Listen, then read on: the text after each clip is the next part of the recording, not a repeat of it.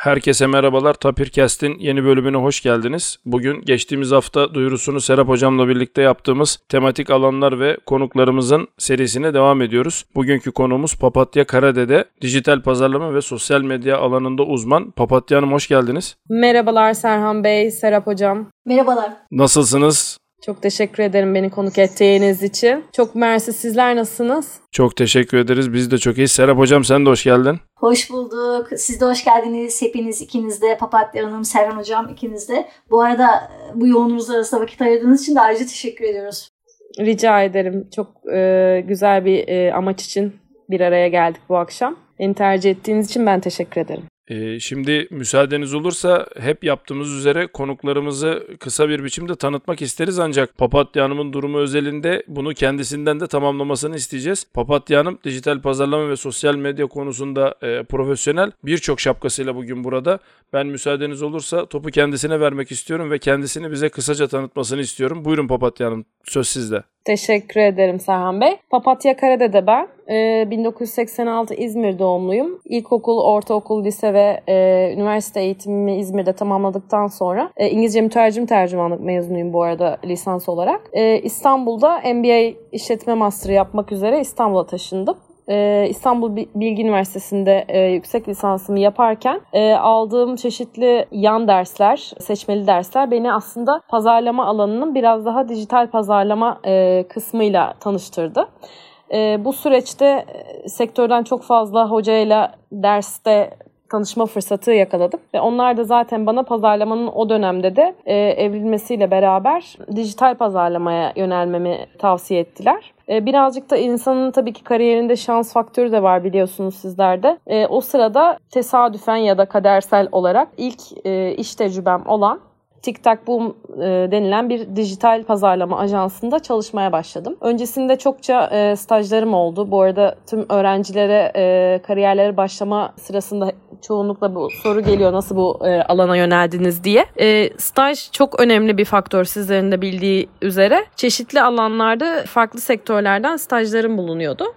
Bu alan da beni aslında birazcık pazarlamanın çeşitli alanlarında tecrübe kazanmama sebep oldu. İşte PR tarafında, biraz daha medya tarafında ve aynı şekilde kurum tarafında. Dijital pazarlama ajansında çalışırken de birçok ulusal ve uluslararası markanın farklı sektörlerden bana deneyim katmasına aslında sebep oldu o şirket. O dönemde çalışmış olduğum uluslararası bir kozmetik firmasıyla e, çalışırken fark ettim ki aynı, aynı zamanda kozmetik sektörüne de ciddi bir e, ilgim var. E, yine kadersel bir döngü beni şu anda çalışmış yani çalışmakta olduğum Estee Lauder şirketleriyle tanıştırdı. E, aslında şirket beni buldu bir şekilde CV'm sayesinde. E, o dönemde e, yeni kurulacak olan e, online departmanda sosyal medya koordinatörü olarak benimle çalışmak istediler.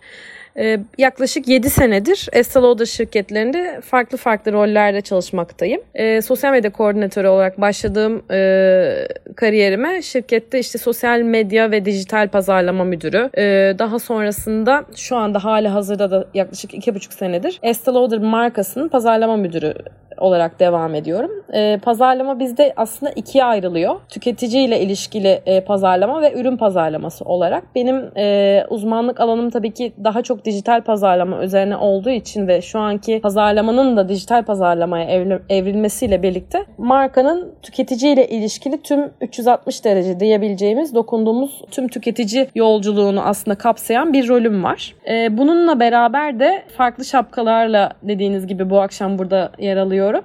İstanbul Medipol Üniversitesi'nde de yaklaşık 2 senedir 2018 yılından beri dijital ve sosyal medya pazarlaması derslerinin e, yürütüyorum. Burada da çokça e, öğrenciyle aslında e, bu konuyu hem tartışma hem de e, ders sırasında farklı onlar tabii ki bizler için birazcık da tüketici gözüyle de bakıyorum ben yaptığım diğer şapkayla. O yaş grubunun e, beklentilerini işte içerik tüketim alışkanlıklarını biraz daha dijital dünyaya nasıl baktıklarını görme şansı da veriyor bana. Yani aslında bu e, okul çift taraflı besleyen bir şey bence. Hem hocayı e, ders sırasında öğrenciler e, sayesinde besleyen hem de öğrencileri hocaların e, bilgi birikimiyle besleyen bir kısım olduğu için oldukça keyif aldığım bir e, bölüm ve yaptığım işe de çok büyük katkı sağlıyor diyebilirim. Yani kısaca böyle özetleyebilirim yaptığım şeyleri. Çok teşekkür ederim Papatya Hanım. Zaten burada e, söylemek istediğimiz şeylerden bir tanesi de buydu.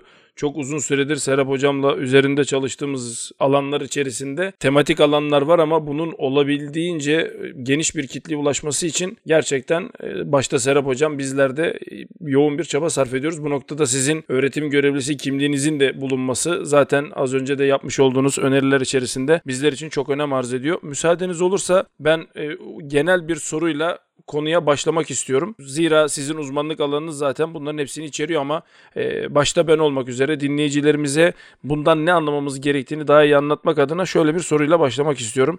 E, dijital dünya nedir? Dijital pazarlama nedir? Dijital dünyada markalaşma nedir? Nasıl olur? Böyle genel bir soruyla başlayalım müsaadeniz olursa. Ya aslında dijital dünya veya dijital pazarlama olarak artık e, ayıramıyoruz biliyorsunuz. E, günlük yaşantımızdan ayrıştırabildiğimiz bir konu değil geldiğimiz noktada. Çünkü dijitalleşmeyen bir günümüz yok. Gün başladığı andan itibaren hepimiz e, cep telefonlarımıza maruz kalıyoruz. İşte şu anda bu sohbeti yaptığımız şeyi özetlemek gerekirse biraz önce üçümüz birden üç farklı platform denedik bu yayını yapabilmek için. Dolayısıyla çok entegre bir yaşamımız var şu anda dijital dünyayla. Dijital dünyayı genel olarak e, tanımlamak gerekirse e, aslında internetin hayatımıza girmesiyle birlikte e, gelişimi hızla gelişen tüm günlük yaşantımızın ve iş hayatımızın e, entegre olduğu bir platform diye tanımlayabiliriz dijital dünyayı. E, bunun içinde tabii ki e, trendler çok hızlı gelişiyor ve çok hızlı değişiyor. E, bundan yaklaşık e, 7 sene önce benim bu şirkete başlamamdan öncesinde de hatta e, kullandığımız kanallar genel olarak sosyal medya kanallarıydı. İşte Facebook, e, Twitter, YouTube gibi kanallardı. Şu anda her e, 6 ayda bir aslında kendini yenileyen farklı içerik platformları, e, markaların da ihtiyaçlarına bağlı olarak e, farklı tüketici e, arayışları içerisinde gelişen ve evrilen bir evren olarak tanımlayabiliriz dijital dünyayı. E, dijital pazarlama nedir diye soracak olursanız aslında pazarlamanın evriminden itibaren e, 4P diye e, adlandırılan e, aslında ürün, promosyon, yer ve diğer dördüncü P'yi şu an hatırlamaya çalışıyorum. O kadar e, şey şekil değiştirdi ki hem fiyat aslında dördüncüsü de hatırladım. Bunlar evrilerek dijital pazarlama ile birlikte aslında önemini kaybetti. Çünkü şu anda ürün ve servisinizi tek bir platform üzerinden e, arada fiyat iletişimi olarak hızlı şekilde pazarlayabiliyorsunuz ve pazarlama aslında e, giderek dijitalleşmiyor. Şu an tamamen neredeyse e, dijital hale gelmiş durumda. Özellikle bu Covid sürecinde de yaşadığımız e, deneyimler bize bunu çokça gösterdi. Bundan sonrasında da e, birazcık bu dünyaya entegre olabilen markalar ve aslında e, kişiler bu evrende hayatta kalabilecek gibi gözüküyor. Dijital pazarlamayı tanım olarak e, tanımlamamız gerekirse pazarlamanın aslında dijital kanallar üzerinden yürütülmesine kısaca dijital pazarlama diyoruz ama teorikte tabii ki bu kadar kolay adlandırılabilen e, kavram kavramın içeriği çokça e, detaylı ve her geçen gün aslında bizlerin de yani bu işin uzmanı diye tabir ettiğimiz kişilerin de kendini sürekli geliştirmesi gereken bir alan. E, bu anlamda aslında biraz da heyecanlı bir sektör. Çünkü e, öğrenciliğinize 34 yaşındayım ben. 34 yaşından itibaren de muhtemelen yıllarca devam edecek bir serüven gibi düşünüyorum. E, sosyal medya pazarlamasını da buna e, nasıl ilişkilendirirsiniz diye sordunuz galiba biraz önce. Ya da dijital dünyada markalaşmayı sordunuz pardon. E, markalar da e, bir, bir şekilde dijitalleşmek durumundalar e, şu dünyada. Çünkü insanlara erişebilmek için aslında dijital platformlar üzerine erişmek durumundalar. Bizlerin kullanmış olduğu klasik medya kanalları maalesef TV ve açık hava reklamcılığı haricinde şu anda e, basılı yayınların tüketimi oldukça e, düşmüş durumda. E, bu e, bir, bir şekilde üzücü de bir konu bana göre. Çünkü o 360 derece dediğimiz pazarlama evrenini birazcık daha tek düze bir evrene doğru e, yöneltiyor. Fakat tabii ki bununla beraber çeşitlilikler de hayatımıza girdiği için e, markalar da buna uyum sağlamak durumunda kalıyor. İşte burada birazcık tabii ki markaların e, algı karışıklığı e, söz konusu. Çünkü markalar da kendisini eğitmeye son yaklaşık 5 e, senedir başladı diyebiliriz. İşte kendi içlerinde departmanlaşma anlamında ya da bu kurguları hayatlarına sokma anlamında hem e, dijitalleşme süreci dediğimiz iç çalışanlarını eğitme kısmı kısmı e, söz konusu. Hem de kendi stratejilerini belirlerken bu kanallar üzerinden doğru tüketiciye ve hedef kitlesine e, nasıl ulaşması gerektiğini e, planlamak durumundalar. E, dijital dünyada markalaşma aslında e, oldukça zor bir şey şu anki dünyamızda. Çünkü sadece dijitalden doğ- doğmuş olan dijital markalar da var günümüzde. İşte buna birkaç örnek vermek gerekirse e, hiçbir ürün veya servis yani ürün satmayıp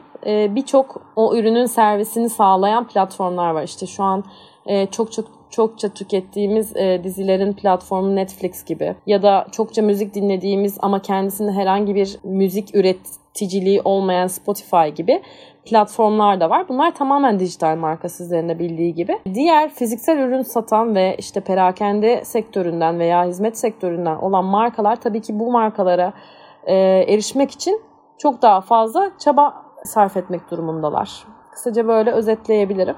Daha detaylandırabiliriz sorularla tabii ki. Müsaadenizle ben araya girip bir şey sormak istiyorum Papatya Hanım. Şimdi markalaşmaktan bahsettik ya, dijital pazarlama ve markalaşma bahsettiğiniz gibi oldukça zor ayakta durmak ve ilerlemek. Orada dikkatimi çeken bir şey oldu. Dediniz ki hani bundan önce bir 5 sene önce biz işte Facebook'la Twitter'la yolumuzdayken şimdi 6 ayda bir kendini yenileyen platformlardan bahsettik değil mi? Burada e, dijital pazarlama yaparken işte sosyal medyadan beslenmek ya da sosyal medyayı takip etmek bu anladığım kadarıyla oldukça zor bir şey. Bu ilişki hakkında neler söyleyebiliyorsunuz? Bu ikisi arasındaki ilişki nasıl yürüyor? Ya sosyal medya zaten şu anda dijital pazarlamanın yaklaşık e, %60'ını 70'ini e, aslında kapsıyor. Çünkü e, kişilerin normal tüketici olarak tükettiği içeriklerin %100'ü neredeyse sosyal medya üzerinden. Yani herhangi bir hedef kitleyi yakalamak için e, aslında markalar sosyal medyada yer almak durumundalar. Fakat bu kanalları nasıl kullanması gerektiğini çoğu e, aslında çözebilmiş değil ya da birazcık daha kişisel kullanımla markanın sosyal medyayı kullanması arasında tabii ki farklılıklar var. E, burada markaların aslında yapması gereken kanal önceliklendirmesi dediğimiz en önemli e, kısımlardan bir tanesi söz konusu. Bu da e, acaba her kanalda benim markam yer almalı mı? Yani her markanın örnek veriyorum Instagram'ı olmalı mı? Ya da e, YouTube kanalı olmalı mı? Ya da Twitter hesabı olmalı mı? Ben bunu derslerde de çokça bahsediyorum üzerinden. Çünkü şöyle bir algı oluşuyor e, marka hesaplarını sosyal medyaya evet açalım. Hepsinde de yer alsın. E, fakat bildiğiniz üzere her platformun kendine e, has bir dinamiği var ve içerik dünyası var. Yani örnek veriyorum Instagram'ın görsel bir dünyası varken YouTube'un biraz daha biraz daha değil %100 e, video odaklı bir e, dünyası var ve her marka bu ölçüde içerik üretmeye aslında hazır değil daha doğrusu e, üretmeli mi üretmemeli mi sorusunu başta e, yanıtlaması gerekir. E, şimdi biz bir otomobil firmasıysak ve bir lastik üretiyorsak her dakika YouTube'a e, onunla ilgili bir içerik üretmemiz zor olabilir. Ama kozmetik sektöründe bir markaysak örnek veriyorum bizim benim şu an çalıştığım sektör gibi onun tüketicisi de e, ürünlerin uygulanması açısından birazcık daha tabii ki nasıl yapılır konusuna odaklandığı için videolu içerikler mesela onlar için ön planda. E, buradaki ilişkiyi aslında biraz daha derinleştirecek olursak dijital pazarlama evreninde e, biz aslında ikiye hatta üçe ayırıyoruz amaçlarımızı. Bir tanesi markanın bilinirliğini arttırmak, servislerinin bilinirliğini arttırmak e, olduğu gibi diğer tarafta içerik pazarlaması dediğimiz aslında e, geçmişi 1800'lü yıllara dayanan ve markaların pazarlama stratejisinin bel kemiği olan içerik pazarlaması. Bu da e, aslında marka ve ürünün stratejisini belirlerken ve bunu tüketiciyle buluştururken bir hikayeleştirme üzerinden yapması gerektiğini hepimiz biliyoruz. İçerik pazarlamasının evrilmesiyle birlikte işte 1800'lü yıllarda çiftçiler için üretilmiş bir traktörün pazarlanması için ihtiyaçtan doğan bir derginin basılmasıyla başlayan e, içerik pazarlaması günümüz dünyasında şu anda TikTok dediğimiz bir e, video mecrası üzerine kadar evrilmiş durumda. Dolayısıyla dijital pazarlama ve sosyal medya aslında birer platform yani e, kanal. Bu kanallar üzerinden e, yapacağımız iletişimin birazcık daha markalar tarafından iyi ilişkilendirilmesi gerekiyor ve marka ihtiyaçlarına göre belirlenmesi gerekiyor. Bu ikisinin yanı sıra da üçüncü kısım aslında şu anda yükselen trend özellikle e-ticaretin de hayatımıza girmesiyle performans pazarlaması dediğimiz tamamen e, tüketiciyi trafiğe ve satışa yönlendirmek üzerine kurgulanan e, birazcık daha satın almayı tetikleyen davranışsal bir pazarlama tekniği. Burada da e, platformların reklam e, modellerine göre tasarlanan aslında bir tüketici yolculuğu oluşturuluyor. Bu tabii ki çok detaylı bir konu ama kafa karıştırmamak adına e, özetlemek gerekirse biz genel olarak herhangi bir markayı sıfırdan kurduğumuzu e, varsayarsak bu marka için öncelikli bir bilinirlik stratejisi oluşturuyoruz. Bu stratejiyi de e, hangi platformlarda önceliklendirmemiz gerektiğini kurguluyoruz. Bu platformlara özel bir e, içerik stratejisi e, oluşturuluyor ve o içerik stratejisinin e, hikayeleştirme diliyle işte web sitemiz varsa web sitemize, mağazalarımız varsa mağazalarımıza, işte çok kanallı iletişim dediğimiz e, omnichannel marketing diye geçiyor. İşte mağaza ve e, online'da ve aynı zamanda sosyal medyada tüketiciye tek bir deneyim sunabilmek adına e, bu e, kurguları ön plana çıkarıyoruz. Sosyal medya dolayısıyla dijital pazarlamanın bir kanalı. E, bunun içeriğini nasıl dolduracağımız ise tamamen markanın offline dünyadaki stratejisiyle aslında e, örtüşen bir konu. O yüzden iç içe geçmiş bir yapı diye özetleyebiliriz dijital pazarlama ve sosyal medyayı. Evet. O zaman e, şunu doğru anladık değil mi? Mesela diyelim marka yolculuğa ilk defa başlayacak bu mecrada. Önce bir e, bilinirliğini artırmak için bir karar veriyor değil mi? Ben hangi platformlarda olacağım ya da olmayacağım diye. Doğru. Sonra içeriğini oluşturuyor. Ve sonra müşterinin satın alması için. Sonrasında içerik stratejisini belirliyor. Ve bu içeriği hangi kanallarda e, sürekli sağlayabilecekse oradaki kanal önceliklendirmesini yapıyor. Ve sonrasında da e, performans pazarlaması dediğimiz e, ana amacımız olan satış veya hizmetlerin tanıtımı kısmında e, bir e, sonuç yolculuğuna doğru tüketiciyi yönlendiriyor özetlemek gerekirse.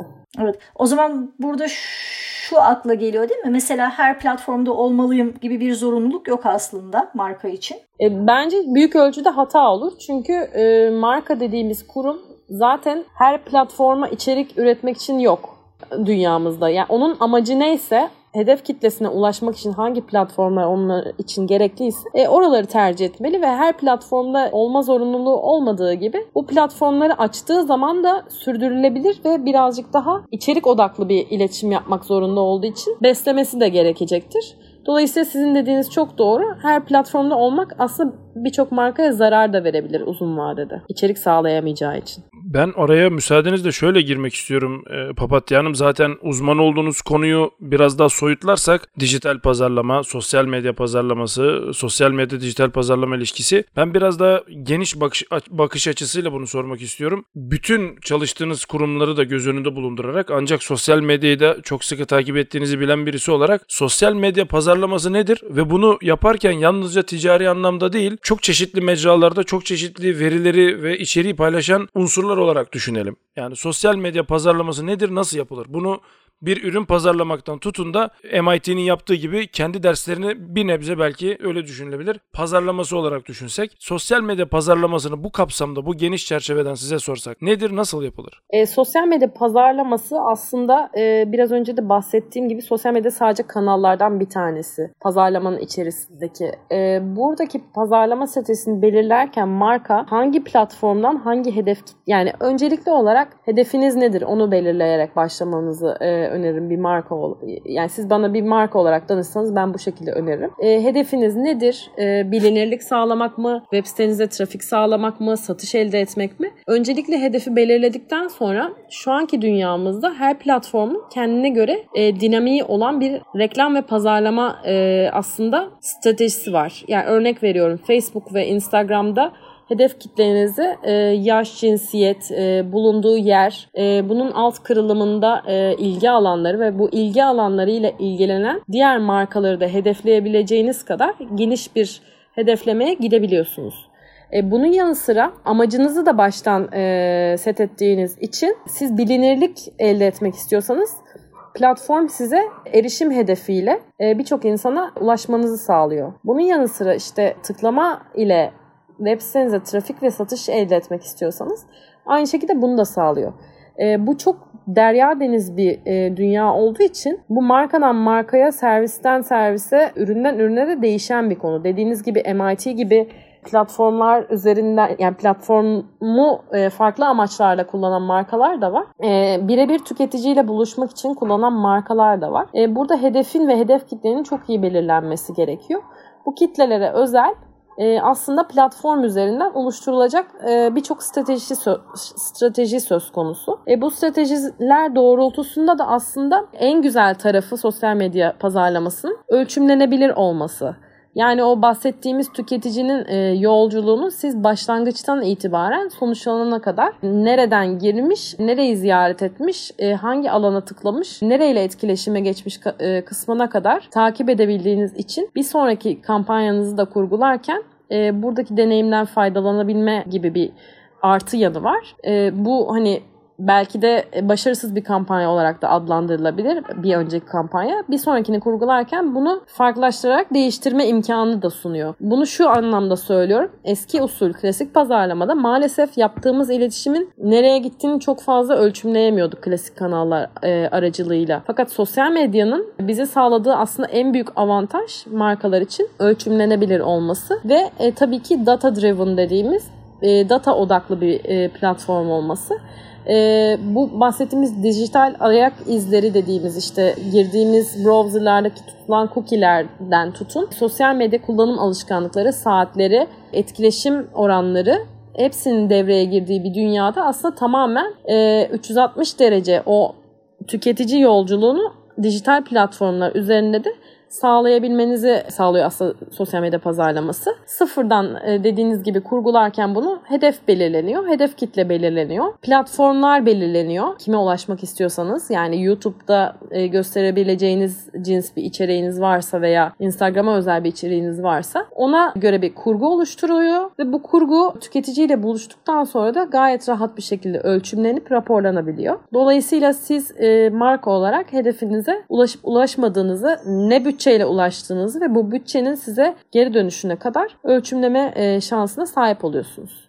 O zaman altın kurallardan ziyade altın çerçeveler var. Yani birisi size geldiğinde siz ona 3-5 soruda ne yapmak istediğini önce öğrendikten sonra ancak doğru yolu ya da en uygun yolu söyleyebiliyorsunuz. Herkes için genel geçer bir kuraldan bahsedemiyoruz diye anlıyorum. E, genel geçer kurallar aslında pazarlamanın klasik kuralları. Onlar şudur e, bana soracak olursanız. İşte sosyal dinleme diye bir şey de var tabii ki hayatımızda şu anda. Sosyal medya stratejisinin belirlenirken e, en büyük devreye giren e, faktörlerden bir tanesi. Bu da şu kelimeler üzerinden tüm internet ve sosyal medya platformlarında e, markanızla ilişkili kelimeleri tarama imkanı sahipsiniz. Bu kelimeler işte jenerik kelimeler de olabilir. Örnek veriyorum bir bisküvi firması için bisküvi isimleri de olabilir. Ya da kategori veya e, sektörle alakalı e, rakiplerinizin isimleri de olabilir. Bunları tarayarak aslında tüketiciye bir şey sormadan kendi fikrini bağımsız beyan etmesi doğrultusunda ne duymak istiyor, ne dinlemek istiyor sizden. E, bunu tespit edip e, sosyal medya stratejinize o şekilde de e, karar vermenize yardımcı olan bir stratejik unsurdur sosyal dinleme. E, bunun sonrasında dediğiniz gibi genel çerçeveler var ama genel çerçeveye klasik pazarlamada örtüşebileceğini düşündüğüm e, bir faktör daha var. O da rakip analizi aslında aslında. Rakiplerinizin neler yaptığını çok iyi takip edip e, hangi platformlarda neyi uyguladığını da e, farkında olarak bu stratejiyi belirlerseniz o taraftan hem geri kalmamış olursunuz hem de e, bir şekilde size bir yol haritası çizmekte e, yardımcı olacak faktörlerden bir tanesi. Ama dediğiniz şey çok doğru. E, genel bir kuralı yok. Genel bir çerçevesi var. Markadan markaya ve hedeflere göre farklılaşabiliyor.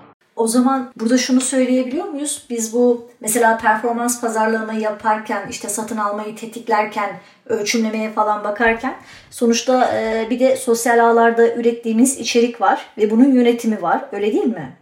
Doğru. O tamamen aslında şöyle. Sosyal medya dediğim gibi bir kanal tekrar e, ediyorum. Kanalda birden fazla amacı yerine getirebiliyorsunuz. Bir, e, içerik paylaşımı. Bu içerik paylaşımı zaten tüketiciyle birebir de etkileşime geçtiğiniz e, kısım. Biz bunu topluluk yönetimi olarak adlandırıyoruz. Community management olarak. Çünkü marka orada bir topluluğa hitap ediyor ve o toplulukla aslında birebir de bir ilişki kurmuş oluyor. Bu topluluk yönetimini yaparken aynı zamanda dediğiniz gibi performans pazarlaması için bu platformu kullanıp farklı amaçlarla reklamı da devreye sokarak tabii ki medya platformu olarak da kullanabiliyor. E, bunun yanı sıra tüketiciyi satışa da yönlendirebildiği için aslında sosyal bir ticaret platformu haline de dönüştürmüş oluyor. Yani kanalın aslında birden fazla amacı e, oluşmuş oluyor. İçerik yönetimi, e, performans yönetimi ve satış gibi düşünebilirsiniz. Direkt aslında e, birazdan tabii ki değiniriz başka bir konuda e, influencer pazarlaması diye de bir konu hayatımızda ve gündemde biliyorsunuz.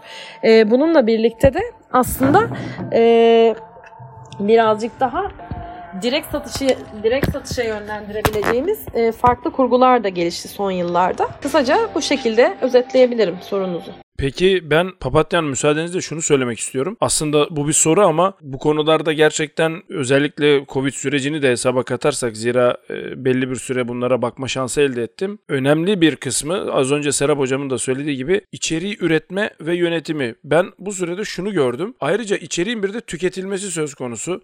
Bazı platformlar doğrudan içeriğin tüketimine yönelikken bazı platformlar içeriğin arşivlenmesi olarak adlandırılıyor. İşte YouTube arşivleme, belki e, Instagram biraz daha tüketime yönelik gibi okuduğum kaynaklardan gördüm. Ya aslında o şekilde e, ayrıştırmamak lazım. Çünkü içerik her platformda tüketilmek için üretiliyor. Öyle bakmak lazım. E, arşivleme dediğiniz kısım tükettiğimiz içerikleri aslında arşivliyoruz ya. Bir şekilde e, içerik her şekilde tüketilmek için üretiliyor. Tüm platformlar için bunu bu şekilde e, düşünebiliriz. Sadece her e, platformun içerik tüketme trendi ve işte zamanlaması oradan içerik tüketmeyi bekleyen kitlenin beklentisi ve e, alışkanlıkları da farklılaştığı için platform bazında farklılaşıyor bu tarz e, şeyler diyebiliriz. Teşekkür ederim. Ben bir de şunu eklemek istiyorum yine müsaadeniz olursa. Konu ile ilgili olarak aslında benim merak ettiğim en önemli şeylerden bir tanesi ki siz de az önce söz ettiniz. Ee, Serap hocamla da istişare edersiniz bu konuyu öyle düşünüyorum. Benim asıl merak ettiğim konulardan bir tanesi şu. Sizin uzmanlık alanınızda tabii ki şu an çalıştığınız kurum öncelikli olmak üzere birisi size bağımsız olarak uzmanlığınızı göz önünde bulundurarak gelse ve dese ki ben böyle bir içerik üretmek istiyorum. Şu şu şu alanlarda, şu şu kategorilerde. Ben bunu ürettim ama şimdi yönet yönetmek istiyorum. Şimdi bu yönetim kısmı benim çok dikkatimi çekiyor. Zira sizin az önce bahsettiğiniz o anahtar sözcüğü çok beğendim. Evren bu başlı başına farklı boyutta duran bir yer gibi duruyor. Bunu yönetme konusunda insanlar ne yapmalı? Yani bunun yönetimi için de galiba özel bir destek alınması gerekiyor. Bunun da bazı anahtar kuralları var, çerçeveleri var gibi geliyor. Bu konuda neler söyleyebilirsiniz? Yani tabii ki bu bir uzmanlaşılmış bir alan haline dönüştü artık. Çünkü şöyle bahsedeyim. Klasik pazarlama yapan kişiler e, maalesef buna biraz adapte olmakta zorlanıyor günümüz dünyasında. Sıfırdan öğrenilmesi gereken ve sürekli kendinizi geliştirmeniz gereken gereken bir alan. E, buradaki sadece içerik üretimi gibi bakmıyorum ben olaya. Tam tabiri caizse e, dediğiniz evreni kapsayacak bütün e, aksları aslında e, hesaba katmak lazım. Çünkü bir marka veya bir kişi, her kişi de bir marka ve e, bildiğiniz gibi bir yayıncı ya artık sosyal medya dünyasında. Kendi hesabını yönetirken bile bu bunu yönetmek dediğiniz gibi bambaşka bir strateji gerektiriyor. E, ama aslında kurallar ve çerçeveler o kadar da zannedildiği kadar zor değil. Sadece bunun dinamiğini fark etmek ve o dinamiklere göre e, yönetmek gerekiyor. E, ama yönetme kısmı için size katılıyorum. E, ayrı uzmanlığı olan kişileri bu iş, işi devretmek çok daha e, markalar için faydalı oluyor. Hem zaman hem de bütçe anlamında. Çünkü var olan kadrolara bunu yaptırmaya e, kalktığınızda onun bir de öğrenme süreci olduğu için ciddi bir zaman kaybı söz konusu oluyor. Tabii ki herkes dijitalleşmek durumunda bu dünyada ve buna adapte olmak durumunda. Ama yönetimi ve o topluluk yönetimi kısmı için özellikle içerik kısmından bahsediyorum. E, özel bir destek alınması mutlaka ki gerekiyor ajanslardan. Bu noktada ben bir de şeyi sormak istiyorum müsaadenizle. Markaların bu sosyal medya pazarlamasında bu sosyal medya pazarlamasını yaparken bir de işbirlikleri var öyle değil mi? Doğru. E, bu işbirlikleri hakkında neler söyleyebiliriz? Yani bizim hani dışarıdan bakınca bu influencer marketing dediğimiz şey hakkında neler söyleyebiliriz? Şöyle e, biz aslında medyayı artık üçe ayırıyoruz. E, paid, owned ve earned diye İngilizce'de geçiyor. Satın aldığımız medya, kendi sahip olduğumuz medya kanalları, işte bunun içine sosyal medya kanallarımız, web sitemiz, mağazamız da dahil olmak üzere. Bir de earned dediğimiz başkası tarafından elde ettiğimiz medya gücü. Bu da e, aslında influencer pazarlamasının büyük bir kısmını kapsıyor. Yani influencer pazarlaması bu kısmın büyük bir kısmını kapsıyor daha doğrusu. Başkasından elde ettiğimiz medya e, eşdeğeri. E, bu konsept aslında hayatımıza dijital PR olarak girmişti yaklaşık 8-9 sene önce. Blogging dediğimiz kişilerin kendi ilgi alanlarına göre tuttukları bazı e, online günceler vardı ve bu günceler üzerinden çeşitli e, içerikleri belli düzenlerde farklı platformlarda paylaşıyorlardı. Tabii ki o zamanki içerik trendleri, e, tüketim trendleri birazcık daha e, yazı ve bu yazıların uzun bir şekilde paylaşılması e, üzerineydi. Daha sonra tabii ki her şeyin hızlanmasıyla e, mobil pazarlamanın hayatımıza devreye girmesiyle e, içerik tüketim trendleri de giderek evrildi. İnsanlar biraz daha fotoğraf ve video ağırlıklı içerikleri tüketmeyi e, tercih etmeye başladılar. Dolayısıyla bu bloggerlar biraz daha video üreten, fotoğraf çeken, kendi kanalını kendi oluşturan ve içinde bir yayıncı haline gelen kişiler e, oldular. E, bu kişilerin en büyük özelliği aslında etrafına çok ciddi etki alanları olmaları, etki alanı olması. Bizim Türkiye'deki tüketici araştırmalarına bakarsanız herhangi bir tüketici bir şeyi satın almadan önce üçte ikisi etrafına danışarak satın alıyor. Bu illa influencer anlamına gelmiyor. Ailenizden bir kişi de olabilir, arkadaşınız da olabilir. Biz e, kültür olarak birine bir şey danışarak e, yapma eğilimine sahibiz. Dolayısıyla influencer pazarlaması özellikle Türkiye'de ve Orta Doğu'da benzer kültür olduğu için söylüyorum çok ciddi e, bir paya sahip şu anda pazarlamada. E, influencer dediğimiz kişiler de hem kendi yaşam tarzlarıyla ön plana çıkan kişiler haline geldi sosyal medyada hem de e, marka işbirlikleriyle sizin de bahsettiğiniz gibi. Markaların bu işbirliklerini yapmasındaki en büyük amaç kendi söylemekten kaçındığı şeyleri ya da kaçınmak yanlış bir kelime oldu da kendi söylediği zaman etkinliğinin daha az olduğunu fakat birisinin tavsiyesiyle çok daha fazla etkin olacağını düşündüğü kurguları e, bu kişiler üzerinden yapmak en ama ana amaçlarından bir tanesi markaların. Diğer bir amacı da eş zamanlı ve hızlı bir şekilde çokça kitleye e, ulaşabilme e, isteği aslında. Hedeflediğiniz bir kitle var e, en başta konuştuğumuz gibi. Bu kitleye e, bu platformlar üzerinden kendiniz de ulaşabiliyorsunuz ama e, burada hali hazırda kitlesi oluşmuş bir takım e, insanlar ve hesaplar var ve bu hesaplar üzerinden e, bu kişilerin iyi içerikte ürettiğini bildiğimiz için e, markalar onlarla e, işbirliği yapmayı tercih ediyor. Yaklaşık 4-5 senedir de e, bu çok ciddi yükselen bir trend içerisinde. İlk başta biraz daha organik gibi gözüken işte e, marka ile işbirliği yaptığını çok belli etmeyen içerikler ile başlamıştı konsept. Şu anda ciddi anlamda reklam aldıklarını e, onları takip eden kişiler de biliyor ve onların tavsiyesine de güvenirse açıkçası o markayla hem tanışmayı istiyor hem de o markanın ürünlerini e, almaktan kaçınmıyor. E, bu tabii ki markalar için çok etkin bir yöntem haline geldi. Çünkü klasik mecralar ve klasik medya kanalları ile erişebildiği kitleden çok daha fazlasına hızlı bir şekilde erişiyor ve e, geri dönüşleri hem etkileşim anlamında hem de satış anlamında çok çok daha yüksek oluyor. Influencer pazarlamasının e, gittiği yolu birazcık e, aslında çizmek gerekirse e, içerikle başlayan yolculuk birazcık daha ticari hale geldi dünyamızda. İşte özellikle bu Instagram e, hikayelerinden link ekleyerek işte siz de denk gelmişsinizdir mutlaka yukarı kaydırabilirsiniz kurgularının hayatımıza girmesiyle bir komisyon mekanizmasıyla aslında çift taraflı kazanç sağlayacak bir modele e, dönüştü. Bu hem markanın tercih ettiği bir model hem de influencer'ın tabii ki e, oradan da bir gelir elde ettiği için hayatına soktuğu bir model ve bu e, yükselen trendde hem globalde hem de e, Türkiye'de devam edecek. Özellikle e, pazar yeri diye tabir ettiğimiz işte Trendyol gibi, Neon1 gibi, Hepsi Burada gibi platformların çokça bu insanlarla çalışmasıyla birlikte markalar için hem daha düşük bütçelere hem de çok daha hedef odaklı işte ticari beklentiyi e, karşılayacak bir noktaya da e, geldiğini söyleyebiliriz. Buna da işte sosyal ticaret deniliyor, social commerce deniliyor. Giderek de artacak gibi gözüküyor önümüzdeki günlerde. O zaman demek ki burada e, şeyin pek bir etkisi yok değil mi? Yani bu marka influencer arasındaki ilişkinin organik olup olmamasının şu anda bir önemi yok anladığım kadarıyla. Trendin yükselmesi noktasında.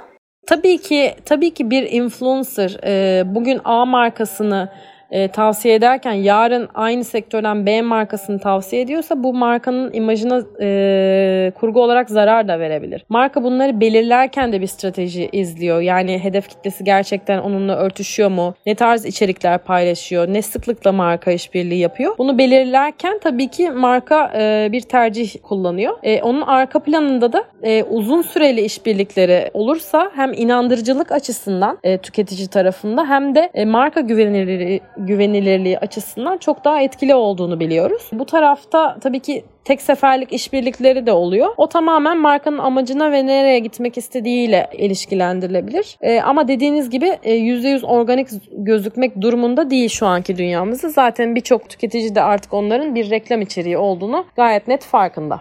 Ve bunu ona göre değerlendiriyor tabii ki. Orada birazcık güven, güvenilirlik ön plana çıkıyor anladığım kadarıyla. Yani ben bir tüketici olarak işte hikayelere baktığımda eğer influencer benim için hani böyle güvenilir bir karakterse e, onun kullandığı ya da reklamını yaptığı markaya bir bakıyorum. Buradan bunu anlıyoruz değil mi? Doğru. Hı hı. Aynen öyle. Bu noktada tabii ki uzun vadeli işbirlikleri mi daha çok tercih ediliyor sizce? E tabii ki e, güvenilirlik açısından uzun vadeli işbirlikleri çok daha etkili oluyor diyebiliriz. Tek seferlik işbirliği e, akılda kalıcılığı da zaten çok zor oluyor. Haklısınız. Çok teşekkür ediyoruz verdiğiniz bilgiler için. Serhan Hocam eklemek istediğiniz bir şey var mı sizin? Papatya Hanım'ı bulmuşken aslında birçok soru aklımıza geliyor ancak e, müsaadeniz olursa Papatya Hanım'dan yayında da söz alalım. İleride bu diğer aklımıza gelen konuları da kendisine danışmak isteriz ancak e, bu seferlik burada burada bunu tamamlayalım. Zira e, sizin de değerli vaktinizi daha fazla almadan kaydın da uzunluğu göz önünde bulundurulduğunda e, en azından benim kendi adıma başka sorum yok. Serap Hocam. Ee, aslında soru çok bahsettiğiniz gibi çünkü dünya çok renkli, çok güzel, çok ilgi çekici. Ee, ama onu inşallah başka zamanlarda, başka podcastlerde konuşalım diye Papatyanım'dan söz almış olalım. Alalım mı? Tabii ki memnuniyetle ne zaman isterseniz. Son sizi biz size verelim o zaman. Eklemek istediğiniz herhangi bir şey var mı diye sonra kapanışı yapalım müsaadenizle. Ben çok teşekkür ederim. Çok keyifli bir sohbet oldu. Umarım dinleyenler için de e, faydası olur. Dediğiniz gibi çok detaylı konuşabileceğimiz farklı konular da var. Umarım e, başka podcastlerde tekrar bir araya gelebiliriz. Çok teşekkür ediyoruz Papatya Hanım. Serap Hocam sana da çok teşekkür ediyorum. Bugün konuğumuz arkadaşlar Papatya Karadede idi. Kendisi dijital ve sosyal medya pazarlaması konusunda uzman. E, tabii ki buraya birçok e, şapkasıyla oturdu ve bunun ancak bir kısmını değerlendirebildik. İnşallah önümüzdeki podcastlerde kendisinden ve uzmanlığından yine yararlanacağız. E, hepinize iyi haftalar diliyorum. Teşekkürler.